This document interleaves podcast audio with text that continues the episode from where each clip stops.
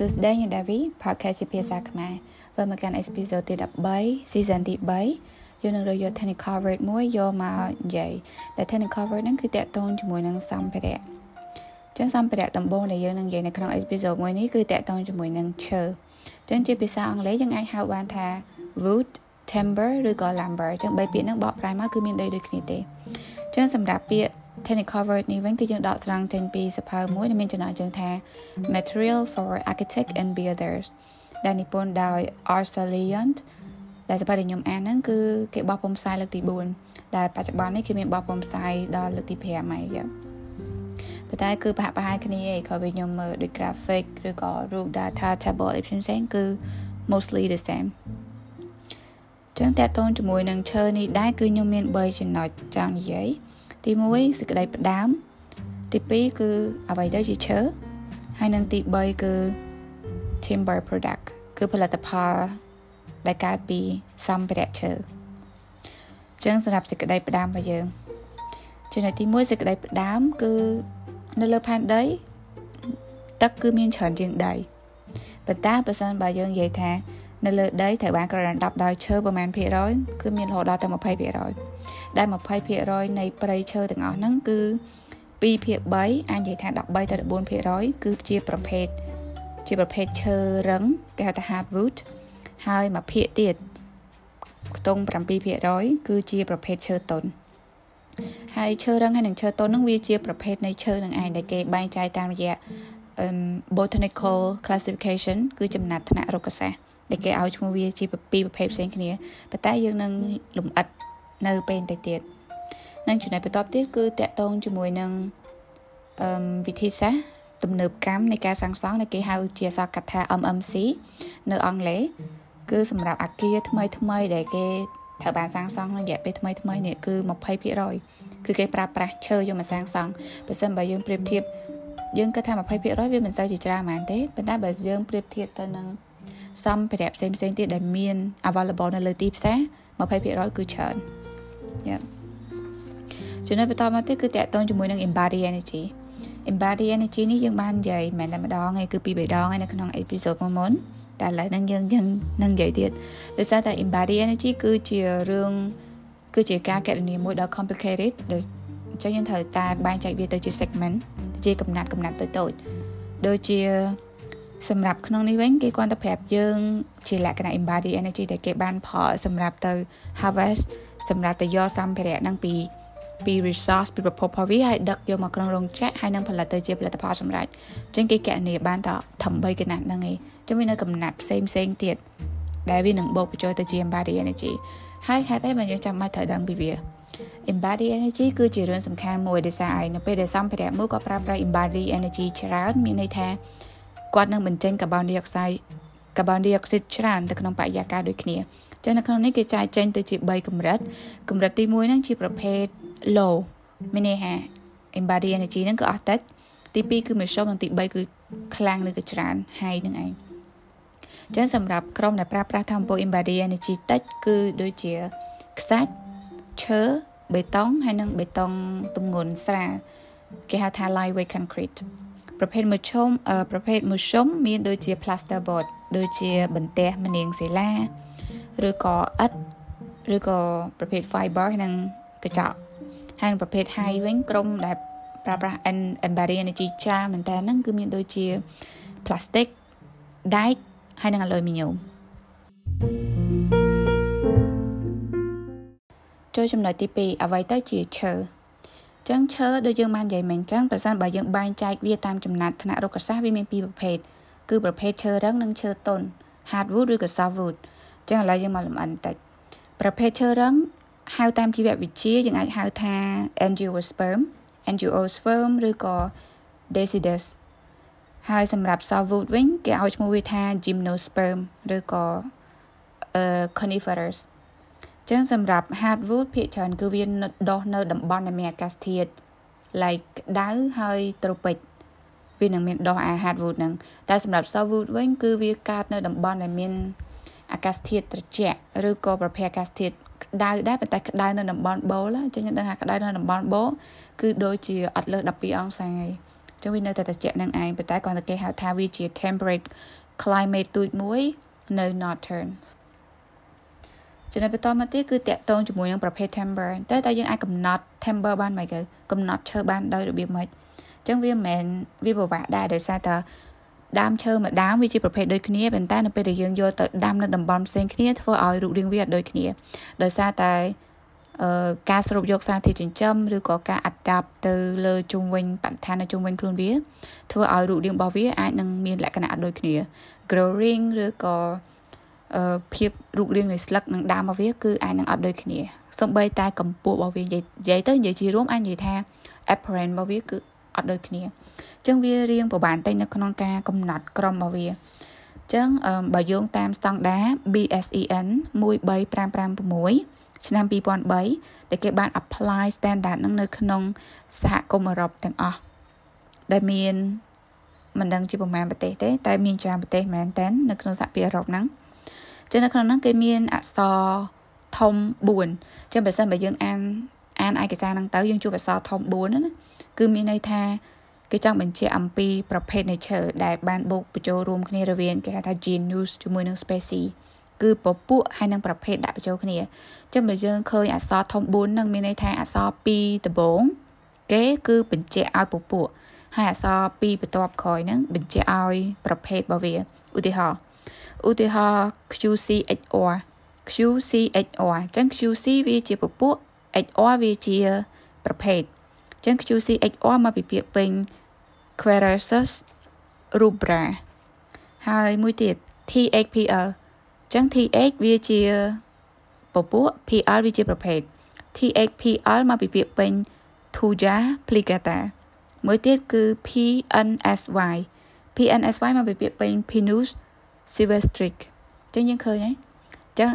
នៅពេលដែល4ពាក្យហ្នឹងគឺបញ្ជាក់ឲ្យប្រភេទនៃ timber តែមិនមានន័យថាវាជាប្រភេទតែមួយមុខទេណាវាមានបូកបញ្ចូលព្រមគ្នារវាងពពួកទៀតបន្តមកទៀតអឺមុនហ្នឹងយើងបាននិយាយថាឈើក្រដណ្ដប់នៅលើផ្ទៃដីគឺមានរហូតដល់20%ដែល2ភាគវាជាឈើរឹងហើយនិង1ភាគទៀតវាជាឈើទន់ប៉ុន្តែនៅអង់គ្លេស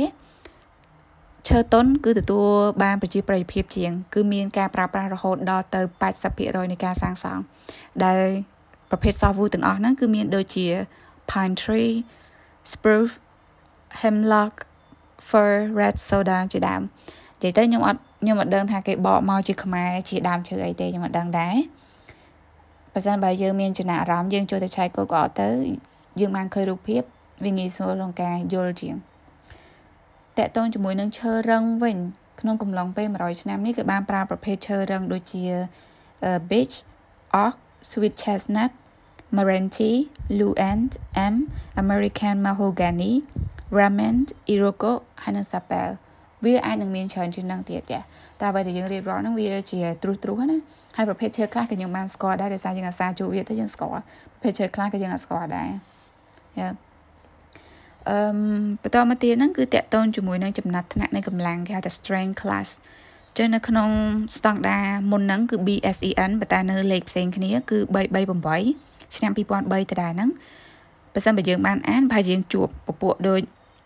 អក្សរ C ធំហើយមានលេខនៅជាប់កតុយដូច C14 C20 C50 អីចឹងណាឬក៏អក្សរ D ធំអញ្ចឹងអក្សរ C ហ្នឹងគឺវាតំណាងឲ្យឈើតុន softwood មកពីពាក្យ ពេញថា coniferous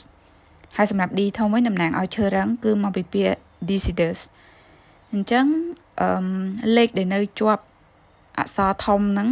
គឺតំណាងឲ្យ bending strength គឺកម្លាំងនៃការបត់ ដែលគិតជា mega pascal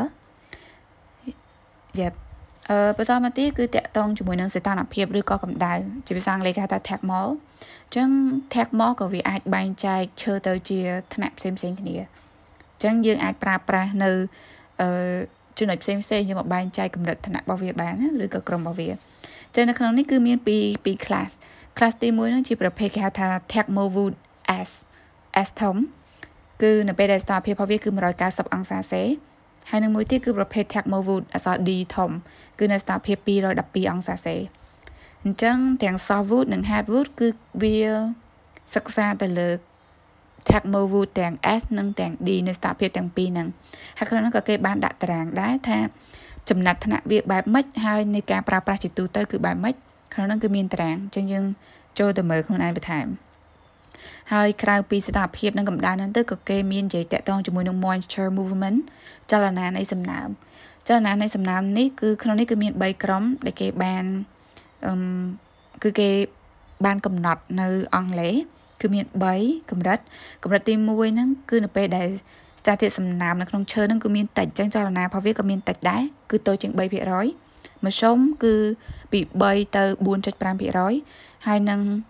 ច្រើនគឺច្រើនជាង4.5%អញ្ចឹងឥឡូវយើងមើលមើលថា moisture movement ហ្នឹងវាមានសារៈសំខាន់ណាស់គេហេតុអីចាំបាច់ត្រូវដឹងឧទាហរណ៍ថាយើងយកឈើថ្មីទៅកាត់ហើយយកមកធ្វើផ្ទះ យើងមានដែរឆ្ងល់ទេផ្ទះខ្លះហេតុអីបានជាអឺគេថា floor floor ធ្វើពីឈើនៅស្រុកខ្មែរហ្នឹងវាមានប្រហោងដោយសារតែ moisture movement ហ្នឹងឯងគឺវាត្រូវថ្ងៃត្រូវខ្យល់ត្រូវអីយូរយូរទៅ គឺវានឹងរួមវានឹងមានអាចលនានៃសំណើមនៅខាងក្នុងឈើហ្នឹងទៅបានផ្សាយចេញអស់ចឹងធ្វើឲ្យសាច់ឈើហ្នឹងវារួមចឹងបានយើងមានចន្លោះប្រហោងហ្នឹងក្រៅពីហ្នឹងទៀតគឺតកតងជាមួយនឹង timber defect team defect defect បើមកពីការប៉ុន្តែឈើវាមិនដែលពីការទេតែក្នុងន័យនេះគេចង់និយាយថាឈើដែលមានស្លាកឬមានស្នាមអីចឹងណាយ៉ាអឺចំណុចផ្សេងទៀតគឺតកតងទៅនឹង timber frame construction ជាមួយនឹង timber frame នេះគឺមានពីររូបភាព ទីមួយគេហៅថា balloon frame ទីពីរគឺ platform frame ចឹងពី frame ហ្នឹងគឺវាស្តៀងគ្នាតែខុសត្រង់ថា platform frame គឺមួយជាន់ទៅមួយជាន់គឺវា independent គឺ វាដាច់ពីគ្នា សម្រាប់ balloon frame វិញគឺវា continuous គឺវាបន្តវា depend on each other គឺវាពឹងផ្អែកលើគ្នាទៅវិញទៅមកឧទាហរណ៍ឧទាហរណ៍ជាងចង់ធ្វើផ្ទះ2ជាន់កម្ពស់6ម៉ែត្រដោយសារមួយជាន់3ម៉ែត្រមួយជាន់3ម៉ែត្រអញ្ចឹងសម្រាប់ platform frame មានន័យថាឈើនឹងត្រូវបានកាត់ទៅជាទំហំដែលយើងត្រូវការមួយជាន់មួយជាន់ដូចតសអឺកម្ពស់3ម៉ែត្រអញ្ចឹងយើងកាត់មក3ម៉ែត្រអញ្ចឹងសម្រាប់ balloon វិញគឺ6ម៉ែត្រអញ្ចឹងយើងត្រូវកាត់ ឈើសសរដែលមានកម្ពស់6ម៉ែត្រយកមកមកប៉ុណ្ណឹងយល់បានចំណុចបន្តមកទៀតតកតងជាមួយនឹង grid shell grid shell construction grid shell នេះវាស្តៀងសបកពងមាន់បើយើងនិយាយស្រួលស្ដៅឬសបកពងទាអញ្ចឹងណាមានន័យថាវាជាប្រភេទលំហមួយដែលកើតឡើងពីមានមាន grid shell ប៉ុន្តែវាអត់មានតសអីយ៉ាហើយសម្រាប់ការសាងសង់បែបហ្នឹងគឺកើតមានដំបូងគេនៅអាល្លឺម៉ង់ហើយនិងនៅជប៉ុន ដែលបន្តមកទៀតក៏មានការប្រើប្រាស់នៅអង់គ្លេសអញ្ចឹងអង់គ្លេសមិនជាប្រទេសដែលអឺ construct បែប grid shell ហ្នឹងជាលើកដំបូងទេនឹងបន្តមកទៀតតកតងជាមួយនឹងការដែលយើងយកឈើយកទៅបុកគ្រឹះគេថាធ្វើទៅសឬបុកគ្រឹះអីចឹងណាតែក្នុងនេះគឺតកតងជាមួយនឹង foundation ហើយនឹង peel ដែលគេបុកចុះទៅក្រោមដីជំនួសបេតុងជំនួសដែកអីចឹងទៅអឺស្តង់ដារបស់គេមុខកាត់ជាការ៉េរបស់វាគឺកន្លះម៉ែត្រគុណនឹងកន្លះម៉ែត្រ ដែលឈើហ្នឹងវាអាចមានប្រវែងរហូតដល់ទៅ2ដណ្ដប់ម៉ែត្រទៅ5ដណ្ដប់ម៉ែត្រវាជាតម្លៃស្តង់ដាបើសិនបើយើងមើលអា standard ឯកសារ BS 8004ណាយ៉ានៅក្នុងឆ្នាំ1986ចំណុចបន្តមកទៀតតកតងជាមួយនឹង round timber round timber នេះបើយើងស្ដាប់ទៅមុនហ្នឹងយើងមិនលឺ square timber គឺមុខកាត់របស់វារាងជាការ៉េអញ្ចឹងអានេះមុខកាត់វាជាវង no it's not exactly អឺ round timber នេះគេចង់ refer ទៅលើរបៀបឈើដែលគាត់តែយើងតម្រូវទៅលើប្រវែងរបស់វា length ដែលយើងចង់បានប្រហែល10ម៉ែត្រយើងទៅកាត់យកមក10ម៉ែត្រប៉ុន្តែយើងអត់មានយកចូលទៅក្នុងរោងចក្រដើម្បី polish surface របស់វាទេគឺទុកវាជាលក្ខណៈ web nature អីចឹងណាយ៉ាហើយនៅក្នុងព្រៃមុខកាត់របស់វា មានរហូតដល់ទៅ200មីលីម៉ែត្រដែលពេលខ្លះ50ទៅ150មីលីម៉ែត្រហ្នឹងក៏មានដែរ ហើយជាធម្មតាគេកាត់វាលែងរបស់វាប្រវែងរបស់វាកាត់ចន្លោះពី3ម៉ែត្រទៅ5ទៅ10ម៉ែត្រប៉ុន្តែអាប្រភេទ round timber ហ្នឹងភាគច្រើនគេយកមកធ្វើជាលក្ខណៈ small scale construction នេះជាលក្ខណៈរោងផ្ទះបាយអីចឹងណាអឺបន្តមកទៀតគឺតកតងជាមួយនឹង joinery timber មានន័យថាជាធម្មតាឈើវាអាចមានកំណត់ ដល់អ្វីដែលយើងចង់បានវាត្រូវតែមានកលៈកលិកលៈវាហើយដូចដៃជើងមកយើងអញ្ចឹងត្រូវការបត់ចឹងត្រូវមានកលៈចាកន្លែងដំណប់ភ្ជាប់ពីកលៈនៃដុំឈើទី1ទៅដុំឈើទី2ហ្នឹងគេហៅថា joinery អញ្ចឹងនៅក្នុងនេះគេមានកម្រិតថ្នាក់របស់វាគឺ7ថ្នាក់ហើយតាំងដល់អក្សរ J J ធំ គឺមកពីពាក្យ joinery នឹងឯងមាន J2 J5 J10 J20 J30 J40 និង J50 ហើយបើសិនបើយើងចាស់លំអិតយើងអាចស្រាវជ្រាវបន្ថែម អឺបន្តមកទៀតគឺតកតងជាមួយនឹង fire អឺជប់មុននឹងមុននឹងយើងនិយាយដល់ fire protection យើងចង់និយាយអំពីភាពធន់របស់វាសិនភាពធន់មកពីធម្មជាតិហ្មងដល់អត់ទាន់បានលាបសារធាតុគីមីអីទាំងអស់ឬក៏អត់ទាន់ជ្រលក់ឬក៏ត្រាំវាទេ natural durability of timber គឺមាន5 5ថ្នាក់5កម្រិត តាំងពីកម្រិត1កម្រិត2កម្រិត3 4និង5 ដែលកម្រិត1នោះមានន័យថាគឺវាធន់ខ្លាំងមែនតើ very បន្តមកទៀតគឺធន់ទី3គឺធន់មធ្យមទី4គឺធន់ដែរតែធន់តិចតិចវាក៏មធ្យមហើយនិងទី5គឺអត់ធន់សោះតែម្ដងយ៉ាបន្តមក fire protection ចឹងឈើវាមាន fire resistant ដែរមែនដោយសារយើងយកឈើមកដុតធ្វើអស់ដាំបាយដាំអីហ្នឹងមានក្នុងគេចែកចេញជា3កម្រិតគេហៅថា rate rate of burn គឺមាន3 កម្រិតទី1គឺគេគិតថាតើវាឆេះប្រមាណមីលីម៉ែត្រក្នុង1ម៉ោងកម្រិតទី1គឺ30មីលីម៉ែត្រក្នុង1ម៉ោងអឺគឺពពួក hardwood គឺឈើរឹងគឺ1ម៉ោងវាឆេះតែ30មីលីម៉ែត្រទេសម្រាប់ឈើទន់តែគេយកវាមកធ្វើជា structure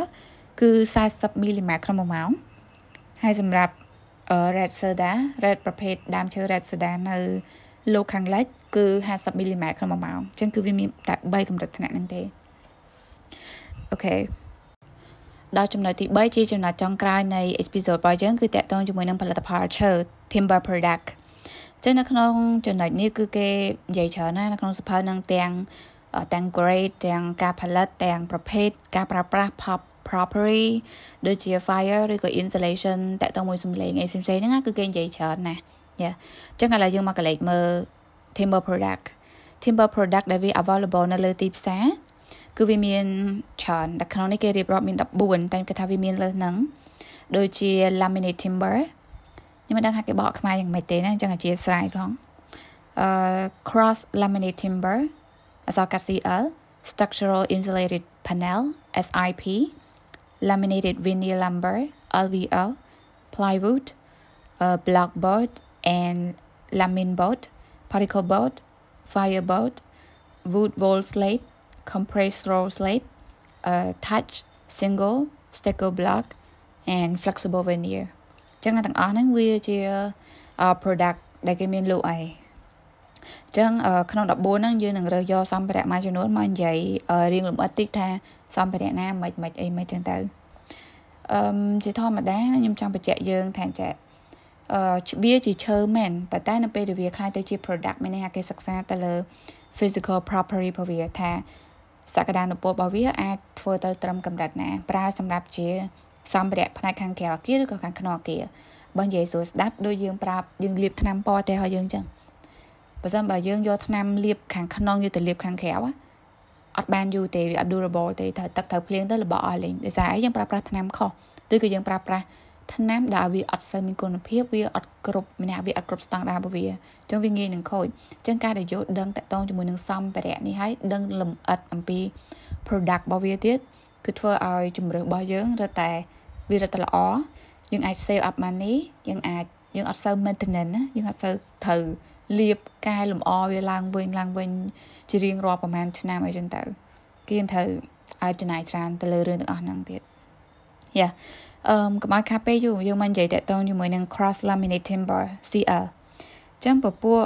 laminate ភាគច្រើនគឺវាក្រាស់ហើយ laminate ភាគច្រើនគេយកមកធ្វើជាគ្រឿងបង្គំហើយកម្រាស់របស់វាជាធម្មតាគឺចន្លោះពី50ទៅ300មីលីម៉ែត្រពេលខ្លះមានរហូតដល់500មីលីម៉ែត្រទៀតយ៉ាហើយ maximum panel របស់វាគឺគឺគេអាស្រ័យទៅលើការដឹកជញ្ជូនគឺគេត្រូវគិតគូរថាបើសិនបើយើងផលិតធំបែបហ្នឹង ងាយស្រួលក្នុងការដឹកជញ្ជូនអត់ឬក៏ដឹកជញ្ជូនកើតអត់បើសិនបើដឹកជញ្ជូនមិនកើតទេយើងធ្វើធំមកទៅអីចឹងគឺគេធ្វើត្រូវធ្វើការ survey ហើយត្រូវដឹងពីតំណែងតំណងរវាងការផលិតបន្តមកនិងការប្រើប្រាស់វាមិនដែរចឹងអឺបើសិនបើយើងអាស្រ័យទៅលើការដឹកជញ្ជូន maximum panel size របស់វាគឺ13.5ម៉ែត្រគុណនឹង3ម៉ែត្រប៉ុន្តែ possibility របស់វា គឺមានគឺរហូតដល់20ម៉ែត្រគុណនឹង4.8ម៉ែត្រនោះ បន្តមកទៀតគឺ SIP គឺ structural insulated panel សម្រាប់ panel នេះវិញគឺថាគឺវាស្រាលបើសិនមកយើងប្រៀបធៀបទៅនឹងសម្ភារៈផ្សេងផ្សេងឬក៏ product ផ្សេងផ្សេងគឺវាស្រាលជាង ហើយភាគច្រើនគេប្រើសម្រាប់ទីតាំងនិយាយទៅវាជាផ្នែកមួយនៃគ្រឿងបង្គុំដែរយើងលើកទៅពាក្យ structure គឺគេប្រើសម្រាប់ដូច load bearing ផ្នែកទាំងផ្នែកខាងក្នុងនិងផ្នែកខាងក្រៅនៃ ជញ្ជាំងហើយនិងដំបូលអញ្ចឹងមានន័យថា SIP គឺប្រើបានទាំង roof system ហើយនិង wall system ហើយវាមាន2 layer layer ខាងក្រៅហ្នឹងគេហៅថា outer layer ដែល mostly គេ clad ជាមួយនឹង OSB OSB OSB ហ្នឹងមកពីពាក្យពេញថា oriented strand board ឬក៏ cement bond particle board ឬក៏ gypsum board product យ៉ាហើយកម្រាស់របស់វាជាទូទៅគឺ8ទៅ15មីលីម៉ែត្រ ហើយបើសិនបើយើងចង់ដឹងថា OSB នឹងឲ្យគេ cement bond particle board នឹងឲ្យគេឆែកកកគឺវាលោតរូបឲ្យហើយហើយនឹងសតមួយទៀតគេថា the core the core ហ្នឹងវាស្តៀង snow ដែរគឺវាយើងអាច compose ជាមួយនឹងពពួក foam ពពួក foam មួយចំនួនដូចជា PUR PIR PF EPS XPS ផ្សេងផ្សេងដែល thickness របស់វាចាប់ពី70ទៅ250មីលីម៉ែត្រប្រភេទ product មួយទៀតគឺ block board ឬក៏ lamy board អឺ block board ហើយ lamy board នេះគឺវាដូចសាំងវិចអញ្ចឹងបើសិនបើយើងលើតែសាំងវិចមានន័យថាវាត្រូវមានគេថា panel 2ហើយត្រូវមាន snow កដាមួយអញ្ចឹងវារៀងជាសាំងវិចហើយយ៉ាប់អឺសម្រាប់សាំងវិចនេះវិញគឺថា dimension standard របស់វា គឺចាប់ពី2ម៉ែត្រ4 ទៅ1ម៉ែត្រ2យ៉ាហើយកម្រាស់របស់វាវិញគឺពី12មីលីម៉ែត្រទៅ25មីលីម៉ែត្រហើយសម្រាប់ block ធំធំវិញ គឺវាអាចមានរហូតដល់45មីលីម៉ែត្រ thickness របស់វាអឹមចំណុចបន្តមកទៀតគឺ touch touch ហ្នឹងគឺស្បូវខ្មែរយើងប្រហែលជាស្គាល់ច្រើនដោយសារយើងមានប្រក់ស្បូវតែសម័យគេហៅថាសម័យទំនើបណាយើងមិនសូវប្រើស្បូវទៀតទេចូលចិត្តតែប្រើសាំងអាស័យ ហើយយើងដឹងពីគុណវិបត្តិនៃសាំងអាស័យតែពេលយើងនៅក្នុងផ្ទះទៅក្តៅហើយស្អីតែក្តៅដូចស្អីប្រើសាំងអាស័យនឹងឯងមិនព្រមប្រើស្បូវគេអឺអញ្ចឹងសម្រាប់គេយកដើមគេយកមកធ្វើស្បូវហ្នឹងមកធ្វើ touch ហ្នឹងអញ្ចឹងនៅអង់គ្លេសវាមាន3 material ដែលវាជា standard material ទីមួយនេះគេហៅថា water reed អឺ water reed គឺវាធន់មែនតើហ្មង អាយុវារហូតដល់50ទៅ60ឆ្នាំណាយូរចង់ប្រហែលមនុស្សម្នាក់ហើយប្រភេទទី2គឺ long straw គឺប្រភេទចម្បាំងវែងវែងហើយនឹងមួយទៀតគឺ combat wet reed អញ្ចឹងប្រភេទទី2និងទី3ហ្នឹងគឺអាយុវារៀងខ្លីជាងទី1គឺធំ20ទៅ30ឆ្នាំយ៉ាប់ប៉ុន្តែទោះជាយ៉ាងណាក៏ដោយពពួក touch screw គឺយើងត្រូវតាម maintenance វាជារៀងរាល់10ទៅ15ឆ្នាំម្ដងហ្នឹងទី1 ហើយចំណុចទី2ដែលយើងគួរតែយកចិត្តទុកដាក់ទៅលើហ្នឹងគឺ slope slope របស់វានៅស្រុកខ្មែរដោយសារតំបន់យើងត្រូពិចសបោភ្លៀងអញ្ចឹងភាគច្រើនដបោគេមិនដែលធ្វើ rolly គឺកម្រគេកម្រធ្វើដបោត្រង់ស្មើគេហៅថា flat roof ភាគច្រើនគេធ្វើ pitch roof ឬក៏ like mono pitch roof ឬក៏ double pitch roof អញ្ចឹងវាត្រូវមាន slope មានមុំចឹងនៅពេលដែលយើងកណនាមុំហ្នឹងប្រសិនបើយើងចង់យកអឺស្បូវយកមកប្រាក់ វាមុំមុំរបស់វាគួរតែធំជាង45ដឺក្រេបើមិនបើយើងប្រៀបធៀបមុំ45ដឺក្រេហ្នឹងមកចដាវិញណាគឺចដាហ្នឹងចោតមែនតើហ្មងអញ្ចឹងក្នុងហ្នឹងគេបានប្រាប់យើងថាវាត្រូវតែ45ដឺក្រេទូចបំផុតអញ្ចឹងអាចខ្ពស់ជាងហ្នឹងរត់តែចោតគឺរត់តែធ្វើឲ្យស្បូវហ្នឹងវារត់តែធន់អឺសម្ភារៈមួយទៀតគឺ wood wall slab ពពួក wood wall slab នេះគឺគេ compress compress ដែលប្រើសរសៃឈើជាមួយនឹងស៊ីម៉ងប៉កឡែនណាគេ compress វាដោយប្រើសារធាតុគីមីនិងខ្សែរឹតអីបែបម៉េចខ្ញុំមិនសូវច្បាស់ដែរហើយសម្រាប់ slab របស់វា slab thickness ពី15ទៅ150មីលីម៉ែត្រហើយជាធម្មតាទទឹងរបស់វាគឺ500ទៅ625មីលីម៉ែត្រហើយ height កម្ពស់របស់វាគឺ3ម៉ែត្របើស្ដាប់មើលមានអារម្មណ៍ដូចមែន slap ទេគឺវាធំមែនទេយ៉ាប់ អឺមហើយក្នុងនោះគេបានចែកបែងបែងចែកទៅជា2ទី1គឺ percent បើ thickness របស់វាកម្រាស់របស់វាគឺ15ទៅ50មីលីម៉ែត្រគឺវាល្អមែនតើប្រើសម្រាប់ពីដានយ៉ាពីដានឬក៏អញ្ចាំងផ្នែកមួយនៃអញ្ចាំងរបស់យើងអញ្ចឹងកម្រាស់របស់ហ្នឹងកម្រាស់ប៉ុណ្ណឹងគឺវា suitable ប៉ុន្តែបើកម្រាស់របស់វា rank ពី50ទៅ150មីលីម៉ែត្រវិញ គឺយើងអាចប្រើនៅផ្នែកដំបូលយ៉ាងគេហៅថា rule decking គឺល្អដែរហើយ woodwall slab នេះគឺវាមានលក្ខណៈពិសេសខុសពីសម្ភារៈដែលយើងនិយាយមុនមុនបន្តិចត្រង់ថាវាមានសម្ភារៈហ្នឹងវា good absorb like sorry like good sound absorption មានន័យថាវាអាចស្រូបសំឡេងបានតែមានន័យថាវាអាច reduce noise ក្នុងនោះគេបានដាក់តារាងមួយគឺតកតូនជាមួយនឹង acoustic insulation ណាប្រសិនបើ slab ហ្នឹង50មីលីម៉ែត្រជាធម្មតាវាអាចស្រូបយកសំឡេង30 decibel យ៉ាប់បន្តមកទៀតគឺ compress straw slab អឺសម្រាប់សម្ភារៈនេះវិញគឺការផលិតរបស់វា គឺស្ថិតនៅក្រោមសម្ពាធហើយនឹងកម្ដៅគេប្រើសម្ពាធនិងកម្ដៅយកមកផលិតវាយ៉ាហើយការប្រើប្រាស់របស់វាភាគច្រើនគេប្រើប្រាស់នៅ ផ្នែកខាងក្នុងភាគច្រើនហើយកម្រាស់របស់វាគឺ53មីលីម៉ែត្រគុណនឹង1200មីលីម៉ែត្រឬក៏1ម៉ែត្រពីទឹកតតឹងរបស់វា ហើយស្តង់ដា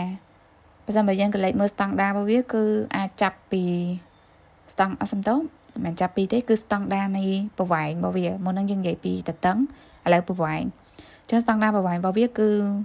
2ម៉ែត្រពីទឹកដល់2ម៉ែត្រ4ទឹកណា ហើយម្យ៉ាងទៀតសម្រាប់ compressed straw slab ហ្នឹងបើសិនបើយើងមាន coat ជាមួយនឹង skim plaster គឺវាអាចមាន fire resistant គឺវាអាចទប់ភ្លើងបានកន្លះម៉ោងហើយបើសិនបើយើងដាក់ទេគឺឆេះគឺងាយនឹងឆេះមែនតើហើយសម្រាប់ sound សម្រាប់ acoustic វិញគឺវាល្អដូចអាមុនដែរប៉ុន្តែគាត់ថាវាលើបន្តិចអាមុនគឺ30 decibel តែក្រោយនេះគឺ35 decibel សម្ភារៈមួយទៀតគឺ single អឺ single នេះវិញគឺភាគច្រើនគេប្រើផ្នែក exterior គឺផ្នែកខាងក្រៅអាចជាអញ្ចឹងខាងក្រៅឬក៏ដំបូលគេប្រាក់ស្តៀងក្បឿងដែរតែគេហៅ single ហើយឈើដែលគេយកមកធ្វើជា single ហ្នឹងគឺ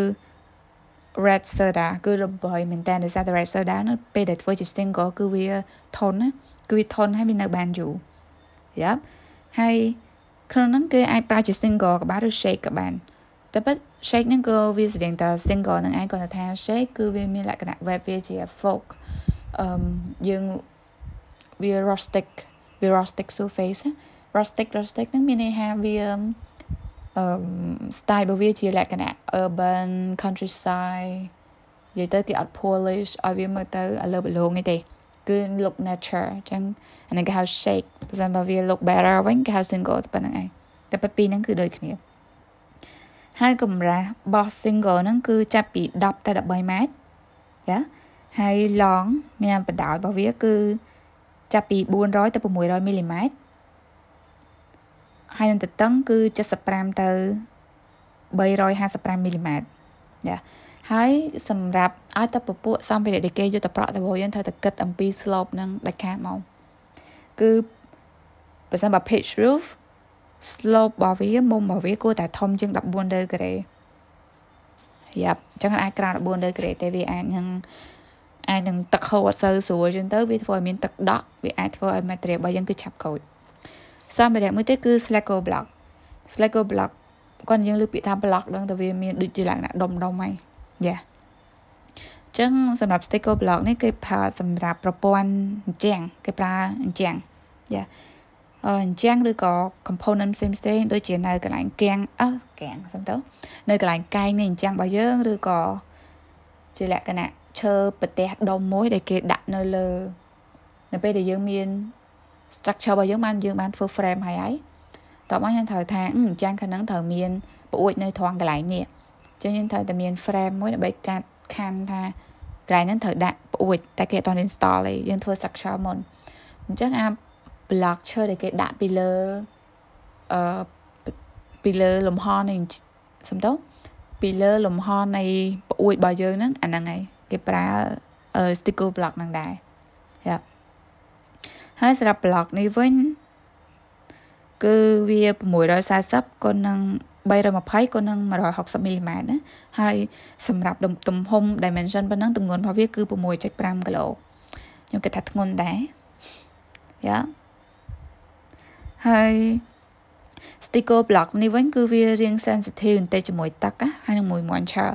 អញ្ចឹងមិនថាក្រោយយើងសាងសង់ឬកំឡុងពេលសាងសង់ឯងយើងត្រូវតែបញ្ជៀសវាពីទឹកឲ្យបាន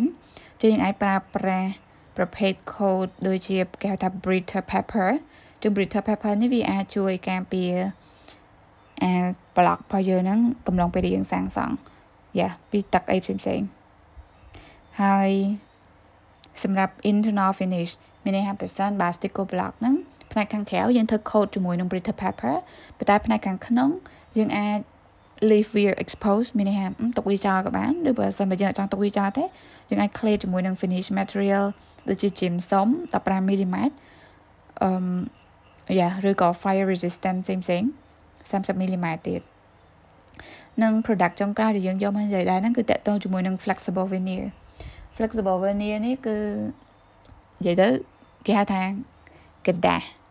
និយាយទៅវាជាឈើដែលគេហូតមកជាលក្ខណៈกระดาษគឺស្ដើងស្ដើងមែនតើហ្មងគឺគេយកមកសម្រាប់បិទផ្ទៃ counter ផល like counter receipt របស់យើង ឬក៏ counter នៅផ្ទះបាយរបស់យើង